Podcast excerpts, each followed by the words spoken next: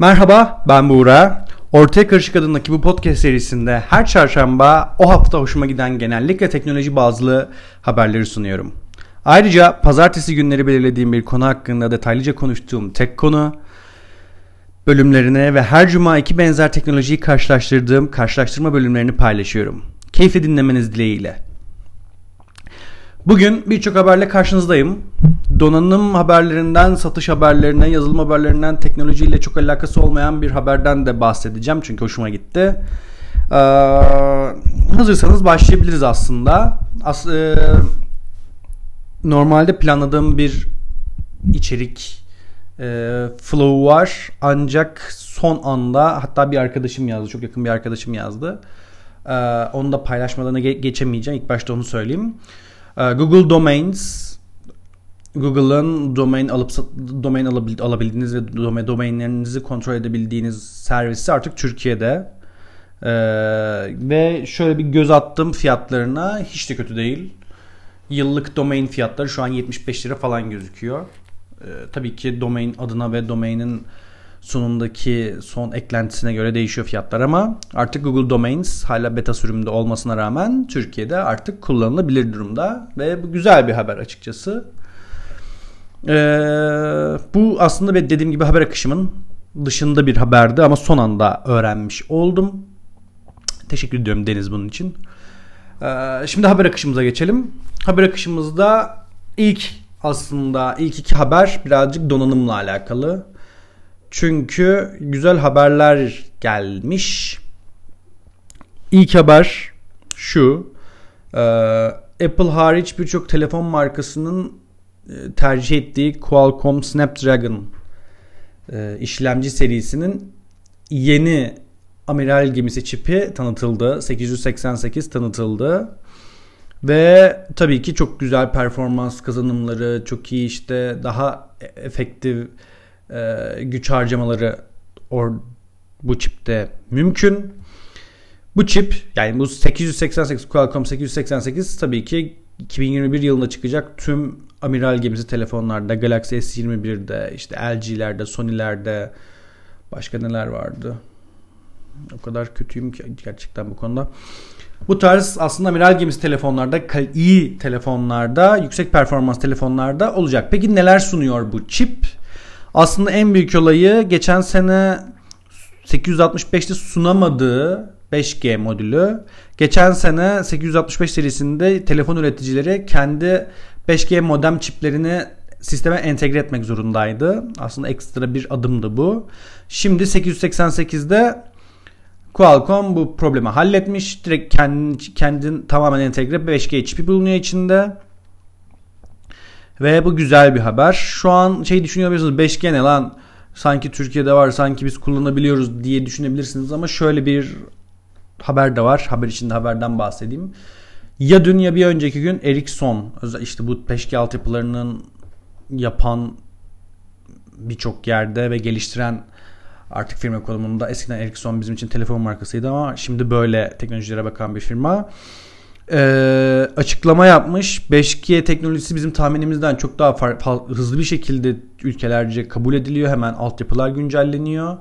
Ve e, şu an neredeyse yani çok yakın zamanda 1 milyar kullanıcı 5G teknolojisine sahip altyapılara ulaşabilecek denilmiş. Normalde bu birkaç sene sonra görülüyordu bunun olması. Dolayısıyla Bence hiç demeyin 5G ne ya diye 2 sene sonra Türkiye'de 5G'yi konuşuyor olabiliriz. Çünkü zaten hmm, şu an o bizim oper, operatörlerimizde aslında bu teknolojiyi entegre etmeye çalışıyor Türkiye'deki sisteme. Ee, peki çipe, çipe dönecek olursak 888'e dönecek olursak 888 güzel bir şekilde benim çok hoşuma giden bir şekilde 5 nanometre teknolojisiyle üretiliyor. Artık böyle yüksek teknoloji daha küçük transistör boyları görmek beni çok mutlu ediyor. Ee, ya Apple'ın A serisi çiplerinde ben bundan bahsederken çok insanlar sallamıyordu ama gerçekten önemli. Bu çok çok yüksek teknoloji, çok daha iyi teknolojilere geçtiğimizi gösteriyor. Aslında buradaki problem yapamamamızdan değildi ama çok kontrollü bir ortam sağlayamamamız, sağlayamamızdandı Böyle düşük nanometre teknolojilerinde ve artık bunlar çok daha rahat bir şekilde çok daha kaliteli cihazlar kullanıldığı için bu teknoloji bu üretimler sırasında çok daha rahat bir şekilde kontrol edilebiliyor ve bize 4 nanometre 5 nanometre boyunda transistör boyları sunabiliyor şirketler. Ayrıca bu çipte 6. jenerasyon AI motoru, Artificial Intelligence, yapay zeka motoru da dahil edilmiş. Ne yapıyor bu yapay zeka motoru ya sanki falan diyecek olursanız e, büyük güç tasarrufları sağlıyor birçok işlemde yapmış olduğu işlemlerde ve aynı şekilde diğer taraftan da performansa çok büyük etkiler yapıyor aslında. Yani sizin çok da böyle yaptığınız işlemleri e, farklılaştıran bir durum değil ama sizin yaptığınız işlemleri çok daha hızlı yapmanızı sağlayan, çok daha efektif bir şekilde yapmanızı sağlayan bir çip aslında e, e, yapay zeka çipi. Ayrıca tabii ki her mobil çipte olduğu gibi yine GPU yani grafik işlemci geliştirmeleri de yüksek oranda var. Ee, sadece bunları söyleyebiliyorum çünkü şu an aslında hala bu çipin organizasyonu, sunum organizasyonu devam ediyor. Qualcomm buna bir e, zirve organize ediyor şu an ve aslında hala gelecek haberleri bekliyoruz. İnternette bulabileceğiniz bilgiler benim en azından şu an bu podcast'te hemen çekmeden önce en son kontrol ettiğimde dahil olmak üzere bu kadar.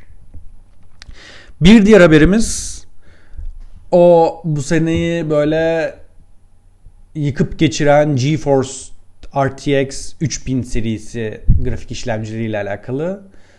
Bizim için en azından benim için hayal olan çünkü zaten masaüstü bir bilgisayarı olmayan bir birey olarak e, böyle bir kart almam çok lüzumsuz olurdu. Ama zaten fiyatlarından dolayı da çok e, ulaşılmaz benim için.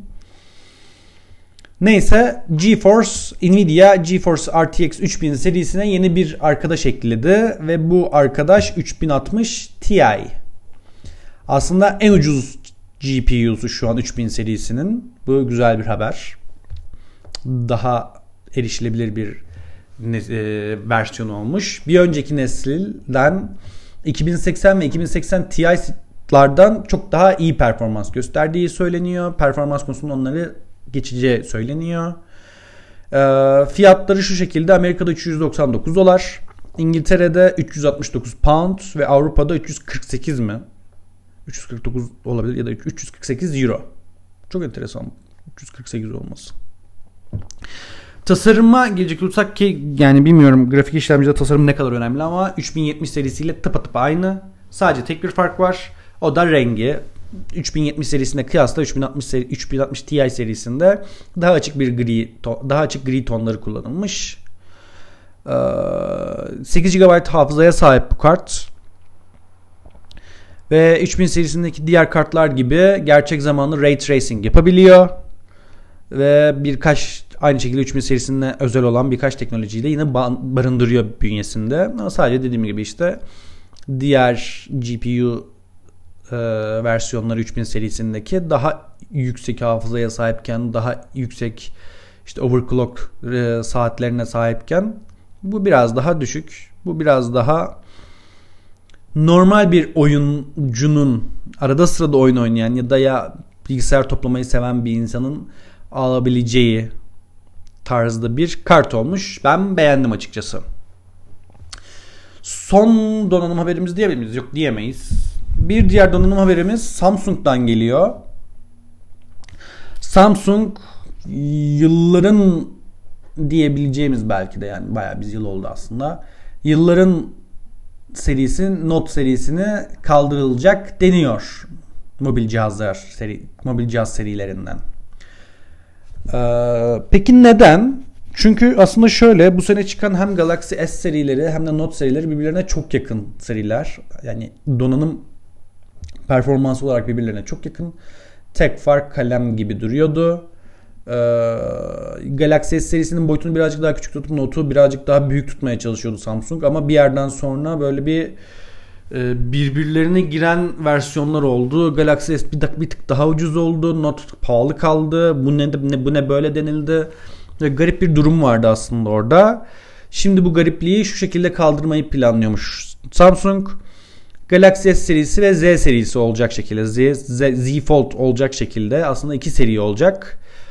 Ee, ve bu iki seriye de enteresan olan nokta şu. Bu iki seriye de kalem desteği gelecek kalem desteğinin geleceği söyleniyor. Böylece aslında o Galaxy S ile Galaxy S ile birbirine çakışan özellikler biraz daha arttırılıp ama Note serisi kaldırılacak gibi duruyor. Mantıklı bir karar olabilir açıkçası. Ben bu seneki çıkan telefonlarda çünkü ya bunlar niye bu kadar birbirine benziyor? Note serisinde artık yeni bir şey eklenemiyor mu derken zaten Z Fold çıkmıştı.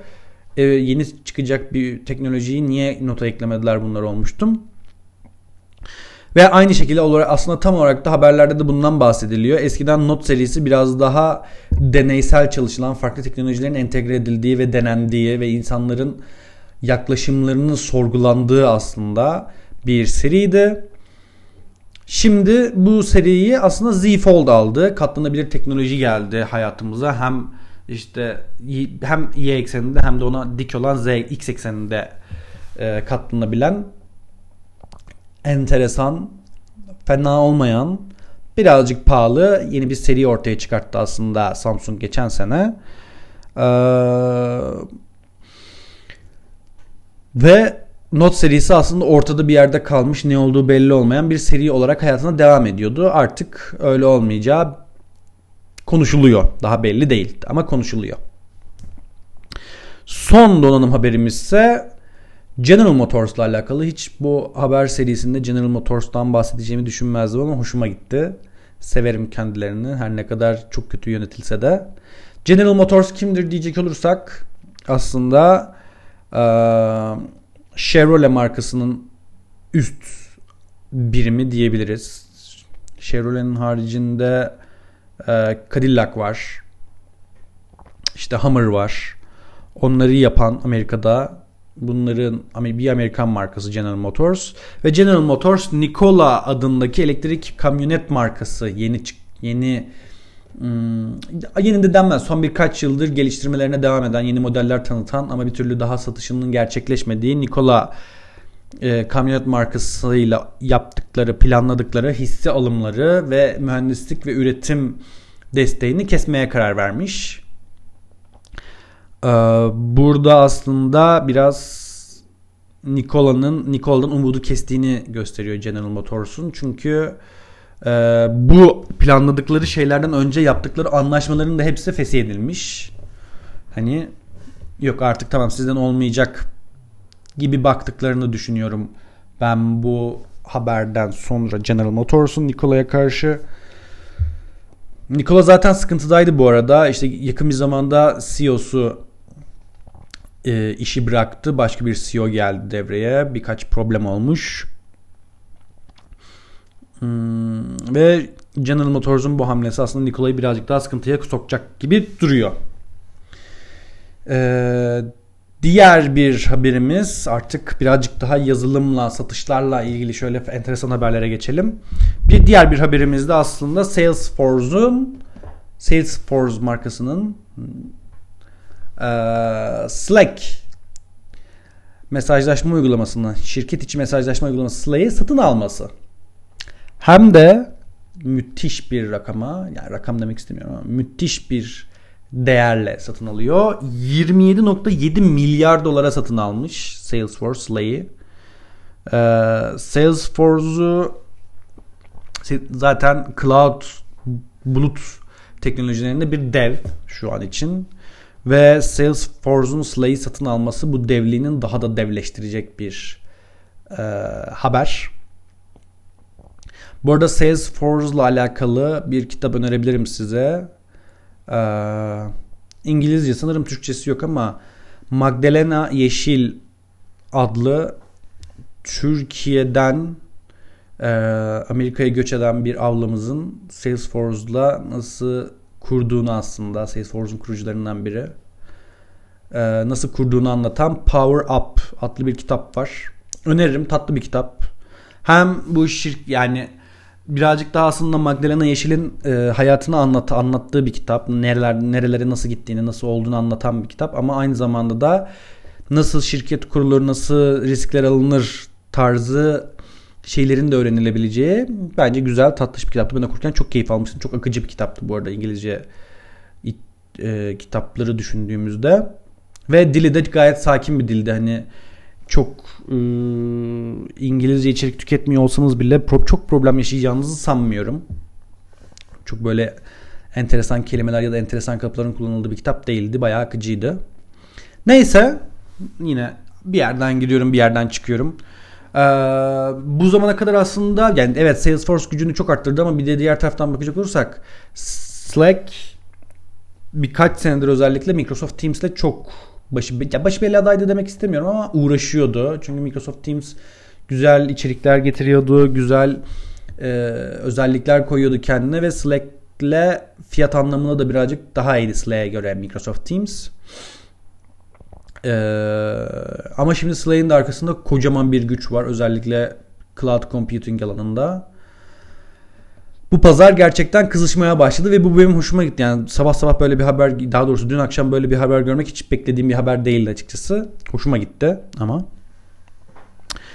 Ee, bir diğer yazılımsal diyebileceğimiz ya da işte software bazlı diyebileceğimiz belki de social media, sosyal medya alanında diyebileceğimiz haber Reddit ile alakalı. Çok nedense çok sevilmeyen an yani bir, bir nedense demeyeyim de hani o saçma sapan sayfalar çok e, böyle ofensif sayfalardan dolayı kaynaklanan Reddit, Reddit'ten eleştirilen Reddit'in e, Reddit'le alakalı bir haber sunacağım. Ne, ne güzel cümle kuramadım ya. Son iki yıldır Reddit'te bir iyileşme var genel anlamda. Hem işte tasarımlarını yenilediler, yenilediler hem yeni içerikler ekliyor, yeni özellikler ekliyorlar siteye. İşte ve bu biraz önce bahsettiğim aslında eleştirilen sayfalar, böyle saçma sapan içerikler paylaşılan sayfalar daha Reddit tarafından bir bir kapanıyor, kapatılıyor. Ee, ama yani burada dediğim şey ya bu bu adam bana küfretti bunun sayfasını kapatın gibi değil de gerçekten hani tartışmaya e, tartışılması bile problem olan e, şeylerin şeylerle alakalı e, sayfaların kapatılmasından bahsediyorum. Burada kesinlikle bahsetmeyeceğim tür sayfalar olduğundan. E, bu tarz sayfaları kapattığından beri Reddit'te bir kullanıcı faz, kullanıcıların artması, daha interaktif bir ortamın oluştuğu zaten biliniyordu, görülüyordu. Ve ilk defa bir kullanıcı sayısı paylaştı Reddit. İlk defa hayatı boyunca. Ve günlük sayısını açıkladı. 52 milyon günlük aktif kullanıcısı olduğunu belirtti Reddit. Bu sayı ilk duyulduğunda çok fazla gelebilir. Ama aslında diğer sosyal medya ve ya da diğer iç, e, böyle içerik paylaşabileceğiniz sitelerle karşılaştırdığında çok da fazla değil aslında. Neden değil? Bakalım bir Twitter'ın günlük ortalama aktif kullanıcı sayısı 187 milyonmuş. 52 milyon lira 187 milyon nere diyebilirsiniz ama sıkı durun. Snap'in eski Snapchat'in günlük kullanıcı sayısı 249 milyon. Hani bizim şu an kullanmadığımız çok da sallamadığımız uygulama var ya. Onun günlük kullanıcı sayısı 249 milyon. Ve Facebook'un ya öldü ama Facebook kullanan Facebook kullanan mı var ya denilen Facebook'un günlük kullanıcı sayısı 1.82 milyar. Evet 1.82 milyar gerçekte gerçek sayı bu. Tabii burada Facebook'ta acaba şey dahil mi bilmiyorum hani Facebook'a direkt girmeyip ama Messenger'ı kullanan ya da Messenger'ı da kullanmayıp ama Instagram'ı kullanan insanlar da dahil mi bu kullanıcıya? Burada Facebook denilen şey facebook.com mu? Yoksa Facebook şirketinin altındaki tüm e, uygulamaların toplam kullanıcı sayısı mı? Bunu bilmiyorum. Eğer toplam kullanıcı sayısıysa bir tık bence daha anlaşılabilir ama sadece facebook.com'a giren insan sayısıysa bu baya fazla demek oluyor. Ee, Reddit'e dönecek olursak son bir yılda son bir yılda günlük kullanıcı sayısı Reddit'in %44 artmış. Buna en yakın e, günlük kullanıcı sayısı artışı Twitter'ın ve %29'muş geçen seneye göre. Yani Reddit şu an diğer sosyal medya platformları arasında en fazla günlük kullanıcı sayısını arttıran e, platform olarak duruyor. Ama işte bazen gerçekten çok kötü sayfalarda bulabiliyorsunuz. Çok kötü, en çok enteresan yerlere de ulaşabiliyorsunuz Reddit'te. Dikkatli olun bence. Son haberimiz ise teknolojiyle alakalı değil. Tabii ki ama ben bu konuyu konuşmak istedim. Çünkü konuşmazsam olmaz denilecek bir tarzda bir haber. Geçen hafta değil aslında ta 14 Kasım'da olmuş sanırım. Ben tarihini yanlış hatırlamışım. Burada geçen hafta diye not almışım kendime ama 14 Kasım'da Utah'ta böyle gerçekten yani tabiri caizse Curry'tin öldüğü yerde kimsenin yakından bile geçmediği bir yerde aslında bir milli park gibi bir yerin böyle çok kıyı köşesinde bir yekpare bir anıt bulundu. Şu Odyssey 2001 filmindeki gibi aslında öyle söyleniyor. Ee, bu anıtın bulunması da şu şekilde oluyor aslında. Yani ne kadar zamandır aslında orada olduğu belli değil. İşte o milli parkı koruyan, gözetleyen, kontrol eden insanlar rutin kontrolleri sırasında bir bakıyor. O ne ya diyor böyle çok köşe bir yerde, zula bir yerde aslında bir yekpare anıt böyle metal gibi gözüken. Ee, hemen tabi bu işte söyleniyor gerekli mercilere. Ve sonra bir anda patlıyor aslında. Hem sosyal medyada patlıyor hem haber, haberlerde patlıyor. Ve kimin getirdiği, kimin koyduğu, neden koyduğu, ne zaman getirdiği, ne yap, o, onun ne yaptığı kimsenin bir haberi yok aslında. Ee, enteresan bir durum. Daha da enteresanı tabii ki, tabii ki daha da enteresanı 27 Kasım'da bu yekpare anıt bir anda ortadan kayboluyor. Bir anda gidiyor. Ve nasıl kimin getirdiği, kimin koyduğu, neden koyduğu belli olmadığı gibi kimin götürdüğü, nereye götürdüğü de yine belli değil. Böyle müthiş bir aslında şey e, döngü var. Utah Arazi Yönetim Bürosu'ysa ne kadar güzel bir isim bu kaybolmanın kendilerinin sebebi olmadığını, sebebinin kendileri olmadığını ve hiçbir fikirleri olmadığını söylemiş. Bu tarz şeylerle ilgilenen e, kurumun kendileri olmadığını, bunların bayağı aslında lokal şeriflerle, lokal polis istasyonlarının falan ilgilendiğini söylemiş. Ama yani gerçekten Kürit'in Kürit'in öldüğü yerde böyle bir anıtın olması bir anda ve nereden geldiği ve kimin geldiğinin belli olmaması e, enteresan ve yani böyle ya bunun bununla lokal lo, lo, bizim lokal polisimiz ilgilenir ya boş verin falan denmesi de garip gözüküyor. Ee, internette de bir yorum okudum bu haberle alakalı çok hoşuma gitti. Ee, sonunda haberler eskisi gibi saçma saçmalaşıyor. Oley yazmış biri. Gerçekten böyle haberleri görmeye ihtiyacımız vardı. O yüzden de aslında bu podcast bölümüne bu haberi dahil etmek istemiştim. Ve aslında bu kadar. Sonuncuyu teknoloji ile alakasız bir haber olarak yapmak istedim ki böyle bir farklılık olsun. Teşekkür ediyorum dinlediğiniz için. Ee, Cuma günü karşılaştırma bölümümüzle tekrar karşınızda olacağım. Lütfen hem YouTube kanalıma hem de podcast dinlediğiniz platformda bu podcast serisine üye olmayı unutmayınız. Bunu da söylettiniz bana. Teşekkür ediyorum. Ve eğer bu bölümün burasına kadar da geldiyseniz gerçekten sizi tebrik etmek istiyorum. Ee, ve teşekkür etmek istiyorum. Her hafta, her geçen bölümde daha da iyi olacağız. Daha çok yeniyim. Kusura bakmayın. Duraksamalarımdan, yanlış kurduğum cümlelerden, ığlamalarımdan dolayı. Tekrar teşekkür ediyorum. Kendinize çok iyi bakın ve hoşçakalın.